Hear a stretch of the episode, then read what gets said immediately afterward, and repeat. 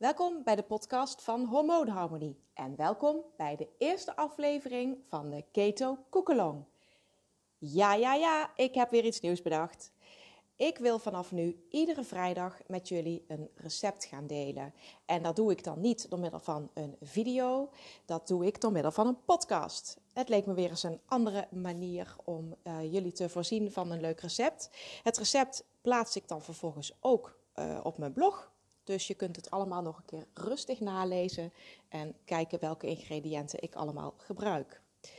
Voor vandaag heb ik een vrij eenvoudig gerecht bedacht. Ik denk dat leek me zowel voor jullie als voor mij wel handig als, uh, als starter. en dat is de kip parmezaan, een Italiaanse klassieker. Um, oftewel uh, kipfilet, normaal gesproken kipfilet, bedekt met een laagje van uh, parmezaanse kaas.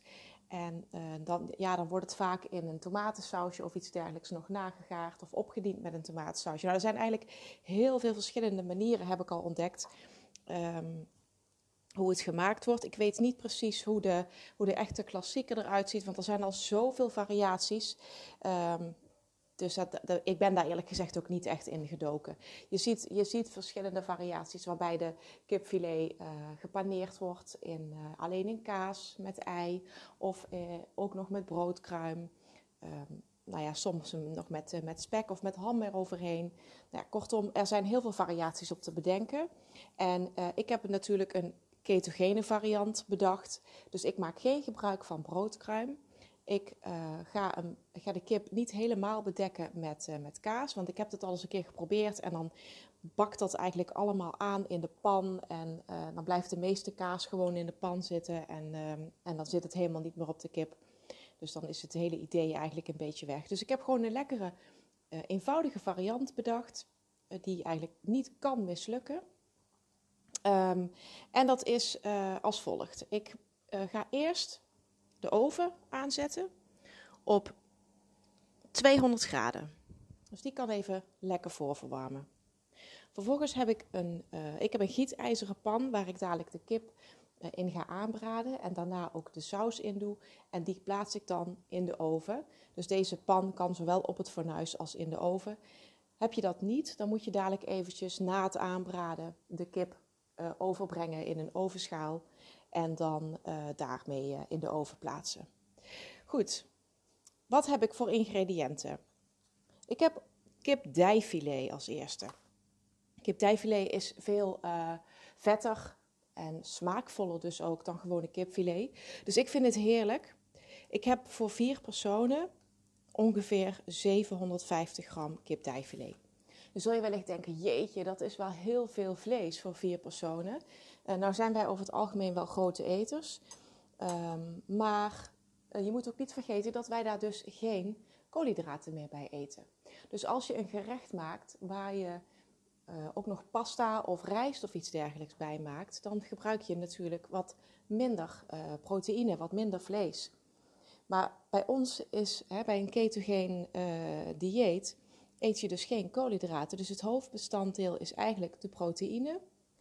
En dat vul ik dan aan met groenten. En vervolgens met nog wat, wat vetstoffen, zeg maar. En dat die, ja, zoals gezegd, hè, zoals in eerdere podcasts al uitgelegd, dat vet dat is vervolgens ook weer de smaakmaker en dat is je energiebron. Dus ik gebruik kipdijfilet, dat is dus wat vetter dan uh, kipfilet, maar dus ook veel smaakvoller. Ik gebruik uh, zes plakjes ontbijtspek. Ik heb wat parmezaanse kaas, een stuk. Dit is een stuk van zo'n 180 eh, gram. Um, ik weet niet precies hoeveel ik daarvan ga gebruiken. Ik denk ongeveer de helft dadelijk. Ik heb ook provolone kaas. Dat is ook een Italiaanse kaas die, uh, wat ik begrepen heb, traditioneel gebruikt wordt bij de kip parmezaan. Maar je zou ook gewoon prima mozzarella kunnen nemen. Dit is in ieder geval de kaas die straks achteraf uh, op de kip gelegd wordt en die heerlijk gaat smelten in de oven. En dan heb ik nog een citroen. En ik heb een beetje uh, olijfolie en wat roomboter. Nou, natuurlijk peper en zout. En dan verse basilicum. En niet te vergeten de tomatensaus. En daarvoor gebruik ik een fles passata. Ik denk niet dat ik de hele fles nodig heb. Ik, dit is nu 690 gram, 720 milliliter geloof ik. Uh, ik denk niet dat ik de hele fles nodig heb. De bedoeling is dat de kip straks in een klein laagje van tomatensaus uh, nagaart in de oven. Dus de, de kip zit niet helemaal ondergedompeld in de tomatensaus, want dan kan je de kaas er niet meer op doen. Nou, dan begin ik nu met de, uh, het vuur onder de pan aan te zetten. Ik doe een klein beetje olijfolie in de gietijzeren pan. Ongeveer ja, 1 à 2 eetlepels. Ik moet zeggen dat ik, ik... Ik ben vrij van het koken uit de losse pols. Dus um, ik moet altijd, als ik recepten uitschrijf... dan moet ik er altijd aan denken van tevoren dat ik... Uh, dat ik goed opschrijf en goed afmeet wat ik allemaal doe. Want ik ben nogal van de gemakkelijke. Dus ik doe het een beetje op het oog en zo. En wat ik lekker vind. nou, als de pan zo meteen heet is, dan begin ik met het uitbakken van het spek. En uh, dat haal ik daarna ook weer uit de pan. En dat wordt dan knapperig, dat snij ik dan in kleine stukjes en dat strooien we dan achteraf over die kip heen. Dus dat blijft verder niet, uh, dat gaart verder niet mee in de, in de saus of iets dergelijks. Dat zorgt ook een beetje voor de crunch in plaats van het broodkruim. Maar zoals ik al zei, er zijn ook wel recepten waarbij de kip helemaal ingewikkeld wordt in de spek of in ham.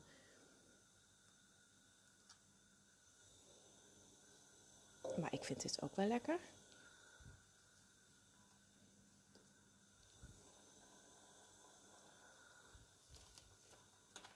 Nou, het is natuurlijk wel apart hè, dat ik zo aan het koken ben en aan het kletsen ben. Terwijl, uh, ja, terwijl het, het, eten opstaat, moet ik de tijd dan ook maar een beetje vol kletsen. dus het is ook voor mij weer een hele aparte gewaarwording. Ik was in de tussentijd eventjes mijn handen.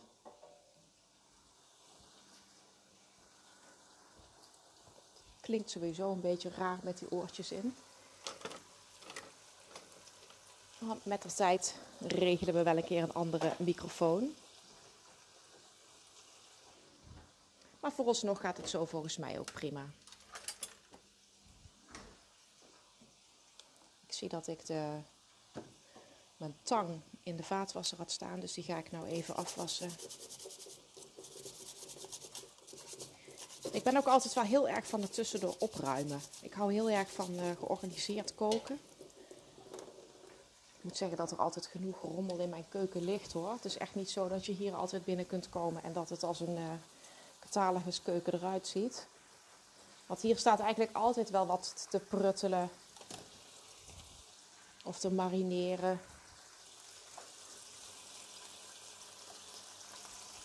Nou, het ruikt hier inmiddels heerlijk naar dat spek. Ik heb nou gewoon zes reepjes uh, ontbijtspek.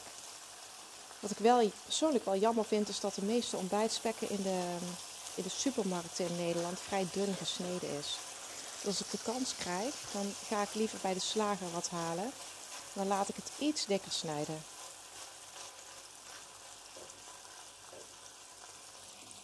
Zoals je in andere landen eigenlijk ook wel vaak ziet. In Nederland zijn we over het algemeen vrij zuinig uh, met de vleeswaren.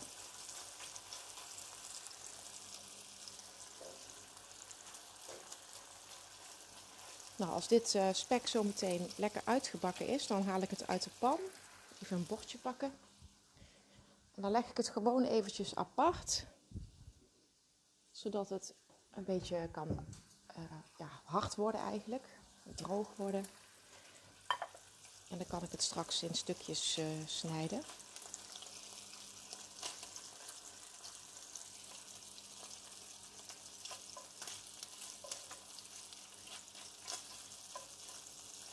Nou, dit ruikt echt heerlijk. Dus het is echt niet zo dat je met een ketogeen dieet iedere dag alleen maar eieren met spek eet. Maar het is wel gewoon heel fijn om te weten dat je dus zonder schuldgevoel daarvan kunt genieten. Ik vond het zo raar in het begin dat ik, toen ik begon met, met deze manier van eten, dat is nou ja, zo'n vier jaar geleden. Ik, ik weet nog dat ik echt dacht van, dit, dit is toch bizar dat dit nou juist hetgene is wat gezond is voor me. Dus als ik, als ik nu iemand zie lopen met een, met een grote puntzak met friet bijvoorbeeld en daar uh, een flinke dot mayonaise op, dan denk ik ja. In tegenstelling tot wat de meeste mensen denken, die mayonaise die je erop hebt zitten is het gezondste van die hele puntzak. Echt bizar. En ik kan me daar eerlijk gezegd nog steeds af en toe wel over verwonderen. Ik weet natuurlijk inmiddels wel hoe het werkt. En ik snap het ook, omdat ik het proces begrijp wat er in je lichaam plaatsvindt. Maar ja, het is bij mij ook zo natuurlijk dat ik toch al decennia lang te horen heb gekregen uh, dat, dat vet eten slecht voor je zou zijn. En dus het, is, het, het blijft eigenlijk een, een, een wonderlijk iets.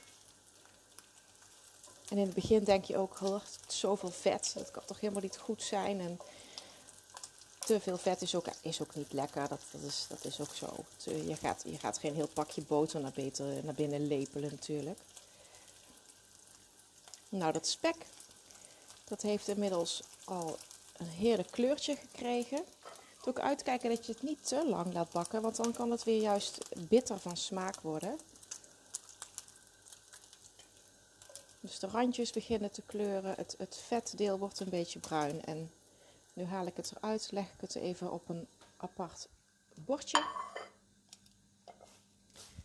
En nu doe ik in diezelfde pan, bij uh, dat vet van dat spek wat er uh, nog in de pan zit, doe ik een, nou, een klont boter van. Ja, dan moet ik natuurlijk eigenlijk even wegen hoeveel het is. Hè. Zie je, daar gaan we alweer. Even de weegschaal pakken. Ik zeg al, ik doe dat dus altijd gewoon een beetje op het oog. En ook dat kan dus, omdat ik dus weet dat ik dat allemaal niet hoef af te wegen. Dat komt dus allemaal. Die tijd heb ik gehad. Weet, wat, watchers en alles afwegen en punten tellen en zo, dat hebben we allemaal gehad. Even kijken. Van 78 naar 58. Nou, dat is ongeveer 20 gram boter. 20, een klein beetje bij nog. Schraap het even netjes bij.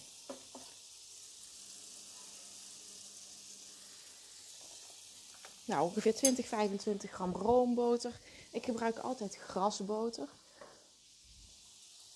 Dus grasgevoede koeien. En dan laat ik die boter eventjes um, ook smelten in de pan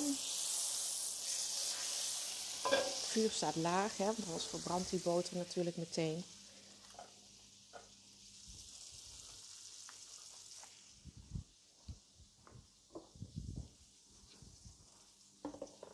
En dan heb ik mijn kipdijfilets.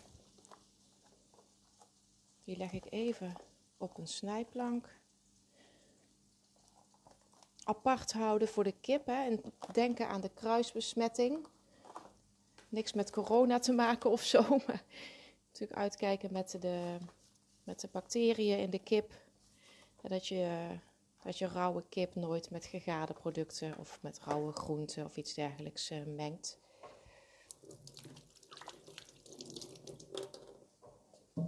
Dus even de kip op een. Ik heb altijd een aparte snijplank die ik altijd voor, uh, voor kip gebruik. Nou, doe ik nou lekker ruimschoots wat peper overheen. Gewoon vers gemalen zwarte peper. En wat uh, zout, wat uh, Celtisch zeezout uit de, uit, de, uit de molen. En dan ga ik deze kip nu in die pan aanbraden. Dus gewoon die hele stukken kipdijfilet Die leg ik in de pan. Doe ik nou met de, ja, moet ik dat zeggen, met de, met de goede kant eigenlijk naar beneden. Want daar heb ik nu het peper en het zout eh, op zitten. En dan braad ik dat eerst even aan. Aan één kant.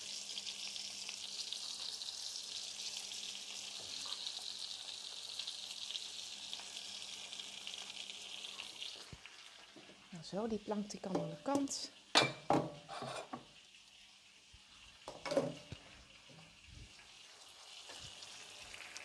Meteen wat peper en zout. Wat nu de bovenzijde is, dus dat is die kant die net nog geen peper en zout heeft gekregen.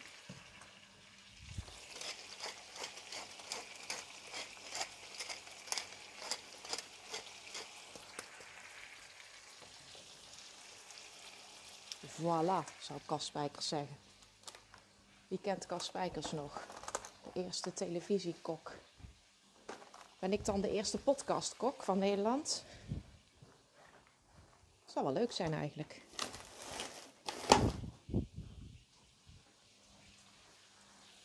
Nou, die kip die is. Ik heb inmiddels al mijn plastic al zo alweer opgeruimd. Je hoort mij misschien heen en weer lopen. Ik zeg al, ik ben heerlijk van het opruimen tussendoor.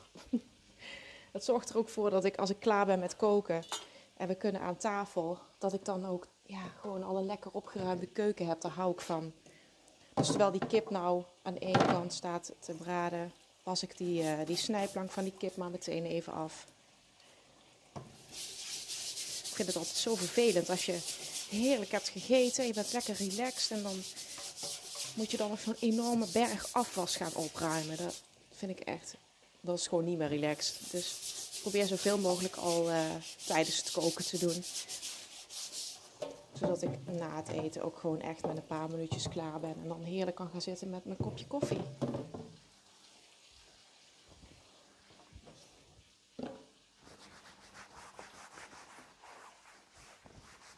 Zo, die is ook alweer klaar. Kan alweer aan de kant.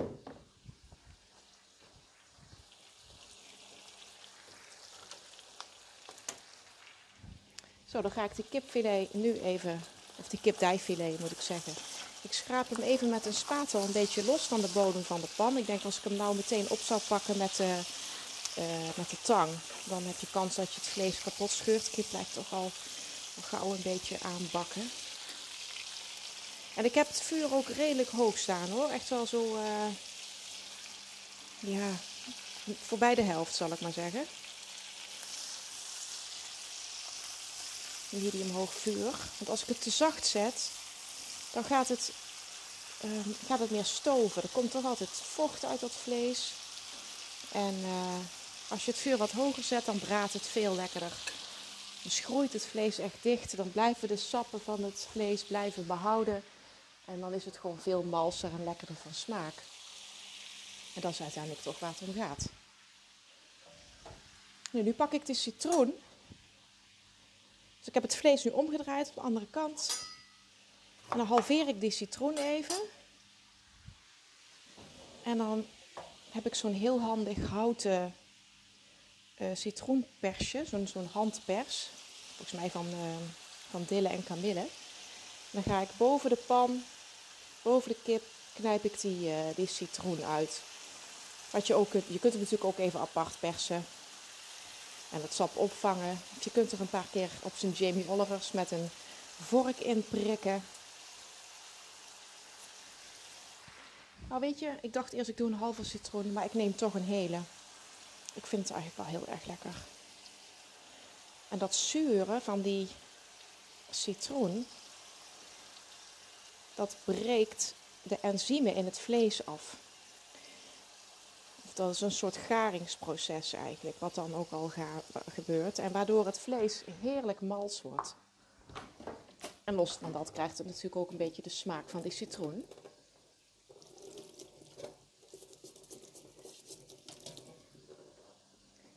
Nou, het meeste vocht, dat, uh, dat verdampt natuurlijk wel weer.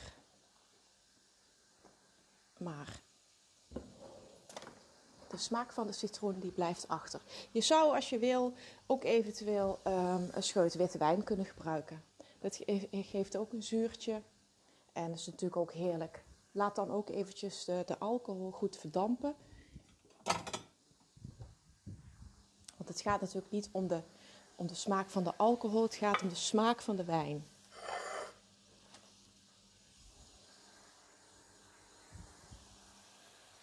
Wat je ook doet als je wat vocht toevoegt, door middel van die citroen of die, uh, of die wijn of desnoods uh, gewoon een paar eetlepels water of, of, of een beetje bouillon, is dat je de aanbaksels van de pan losmaakt. En daar zit ook gewoon enorm veel smaak in. Dat is ook eigenlijk een, een basis van een, uh, van een jus.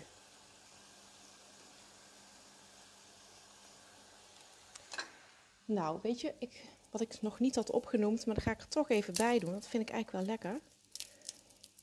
Dus even een flinke, twee kleine knoflookteentjes. Kijk, zo gaat het bij mij vaak hoor. Dan ben ik aan het koken en dan bedenk ik spontaan van... Oh, dit heb ik ook nog liggen. Of hier heb ik nog een restje van. Of dat kan er ook nog bij.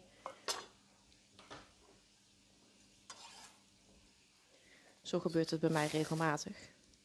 Dus ik hoop niet dat je het uh, te chaotisch vindt. Maar nogmaals, ik, uh, ik schrijf het ook nog allemaal uit. En dan um, kun je het allemaal op het blog rustig nalezen.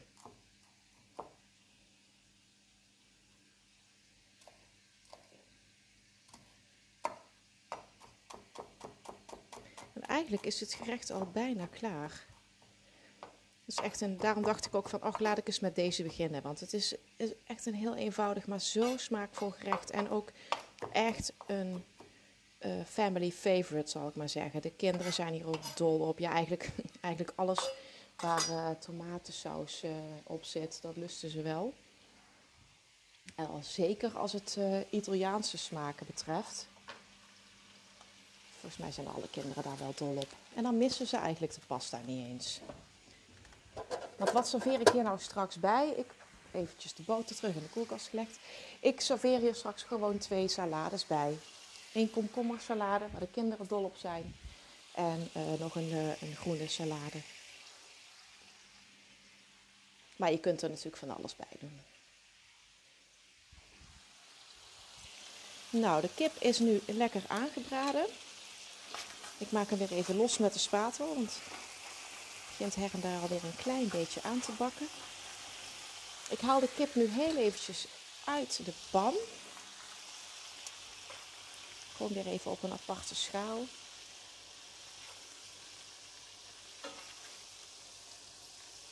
Want ik ga nou uh, die knoflook die ik zojuist even gesnipperd heb, die ga ik in dit braadvocht aanbakken, aanfruiten. En dan doe ik daar uh, de tomatensaus bij, de passata. Ik heb de afzuigkap nou niet aanstaan, omdat ik bang was dat je dat helemaal zou gaan horen in de microfoon. Maar nu ruikt het hier natuurlijk enorm naar spek en boter en knoflook. Dus dat moet ik nog een keertje uitproberen hoe dat, hoe dat overkomt, hoe dat klinkt. Oh, dit is zo lekker. Knoflook en roomboter samen. En dan ook nog een beetje van dat spekvet. Echt serieus, veel beter wordt het toch niet, jongens? Nou, dan de tomatensaus erbij. En dat, daar moet je ook niet te lang mee wachten, hè? want ik doe toch de hele fles erin hoor. Niet te lang mee wachten, uh, want die knoflook, zeker als die pan en dat vet al zo heet is, die knoflook die wordt toch wel, uh, die, die gaat altijd heel snel verbranden. En dat wil je niet, die wordt dan ook heel bitter van smaak.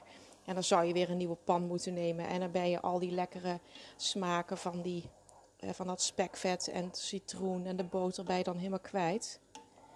Dus gewoon even erbij blijven. Het is echt maar een minuutje hooguit. Misschien maar nog wel minder. Nou, ik heb die hele fles passata, 700 uh, milliliter of zo, nou in deze pan gedaan. Nou pak ik wat verse basilicum. Ik heb eigenlijk altijd wel een plantje verse basilicum in de keuken staan. Die leven nooit lang hier. Dus ik pak er uh, een handje, klein handje basilicum van af. Ik weet dat je het officieel moet scheuren, maar ik ben even aan het voetelen. Ik snij het eventjes grof. En dan doe ik het in de saus.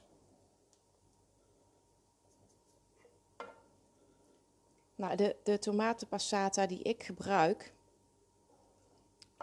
ehm, ja, ik mag toch wel gewoon het merk zeggen. Hè? Dat is Grand Italia. En ik gebruik die omdat daar behalve wat citroenzuur voor, de, uh, voor het conserveren, zit daar eigenlijk helemaal niks in. Dus dat zijn gewoon tomaten. Dus ook geen suiker. Ik, er zitten in veel tomatenpassata's, daar zit suiker aan toegevoegd. En dat vind ik, ja, ik vind dat inmiddels gewoon echt vies. Dat proef ik zo. Dat, is, dat, dat overdreven zoete, dat vind ik ook gewoon helemaal niet meer lekker. En deze vind ik heerlijk. Bovendien vind ik de structuur heel erg lekker van deze passata. Die is wat grover, die is niet zo fijn ge, gepureerd. En als ik dat wel wil, bijvoorbeeld, uh, ik maak van deze flessen maak ik ook tomatensoep.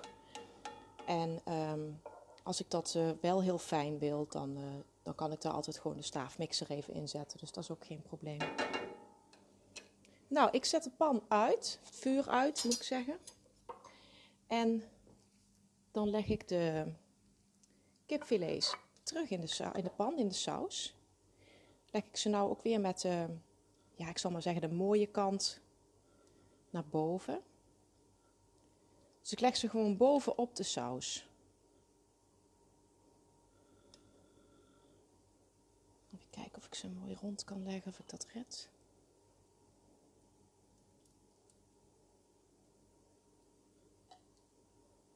Nou, kijk eens aan.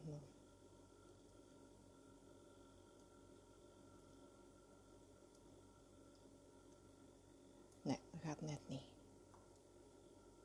Toch een beetje opschuiven, jongens. Nog een kleintje in het midden. Zo, een beetje half verzonken in de saus. is een beetje vocht afgekomen. Dat schiet ik er gewoon lekker bij, want er zit ook weer zo heerlijk veel smaak in.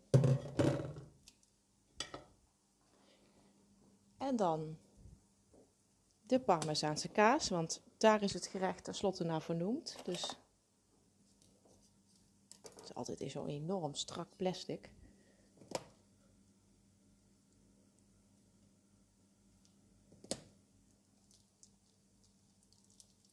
Openmaken zonder je polsen door te snijden.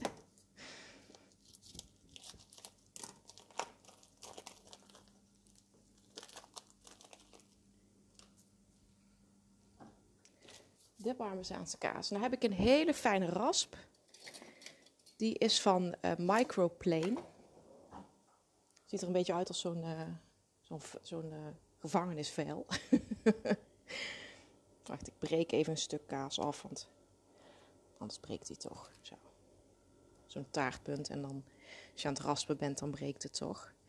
Nou, en nou ga ik gewoon echt een, een lekkere berg uh, Parmezaanse kaas over iedere um, kipdijfilet uh, raspen. Dat lijkt natuurlijk ook altijd wel meer dan het is. Want het is toch, die Parmezaanse kaas die heeft dat op een gegeven moment, of die heeft dat eigenlijk zo nodig. Hè? Die kan dat, dat raspen, dat flinterdunne, daar wordt die smaak nog tien keer beter van. Dat zo lekker. De Italianen die weten wel hoe het moet.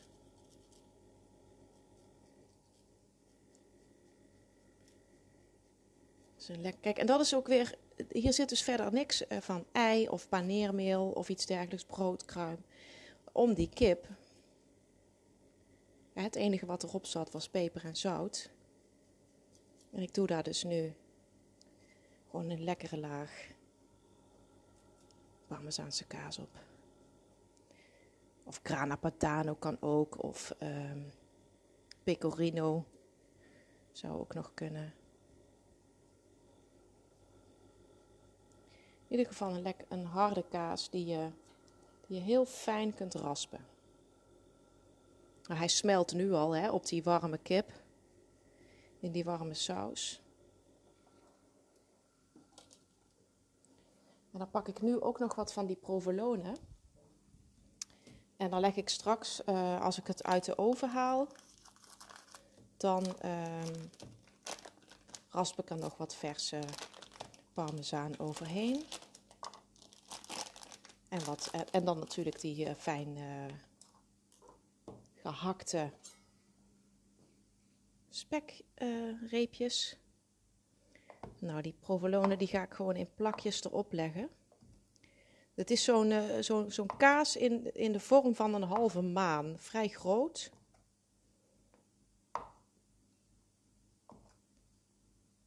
Redelijk hard ook. Beetje cheddar-achtige structuur, maar dan niet die, uh, niet die cheddar die, uh, die je koopt voor op je hamburger of zo, maar de cheddar die je in Engeland koopt.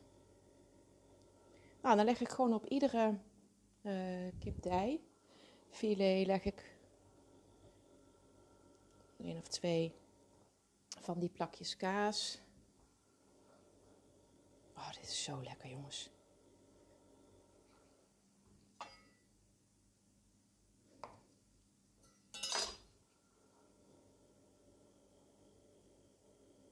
Even kijken, nog één.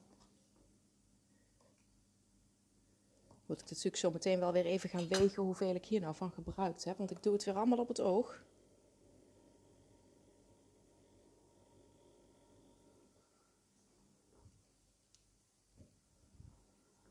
Zo, deze kan nu de oven in. 200 graden. Minuutje of 20. En dan is die klaar. Daar gaat hij, jongens. En dan ga ik in de tussentijd weer eventjes opruimen en uh, de tafel dekken.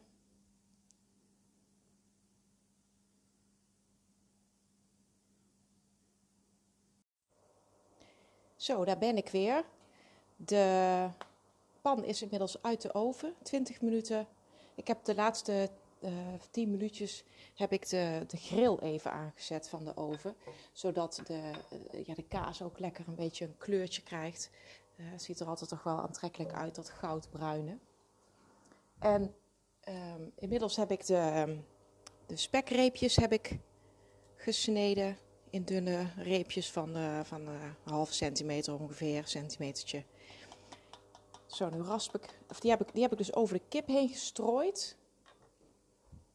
En dan rasp ik daar nog wat extra parmezaanse kaas overheen. En dan als laatste finishing touch. Omdat groen het altijd goed doet. Even wat, uh, nog een paar basilicumblaadjes in stukjes gescheurd. Ook eventjes zo over de schaal verdelen. Het haalt het altijd zo heerlijk op doet zoveel, zo'n klein beetje groen. Qua smaak, maar ook qua hoe het eruit ziet. Het oog wil natuurlijk ook wat.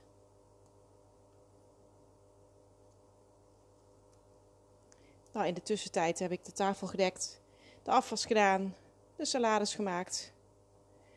Ik ga de rest van de family roepen, want wij gaan lekker smullen. Ik zou zeggen, kook lekker met me mee. En ik zou het heel leuk vinden als je jouw kipparmezaan deelt um, op uh, Instagram of Facebook um, onder de hashtag hormoonharmonie koekelong um, of hormoonharmonie of verzin maar wat. Laat het me weten. Ik ben heel benieuwd. En nou, ik zou zeggen smakelijk eten.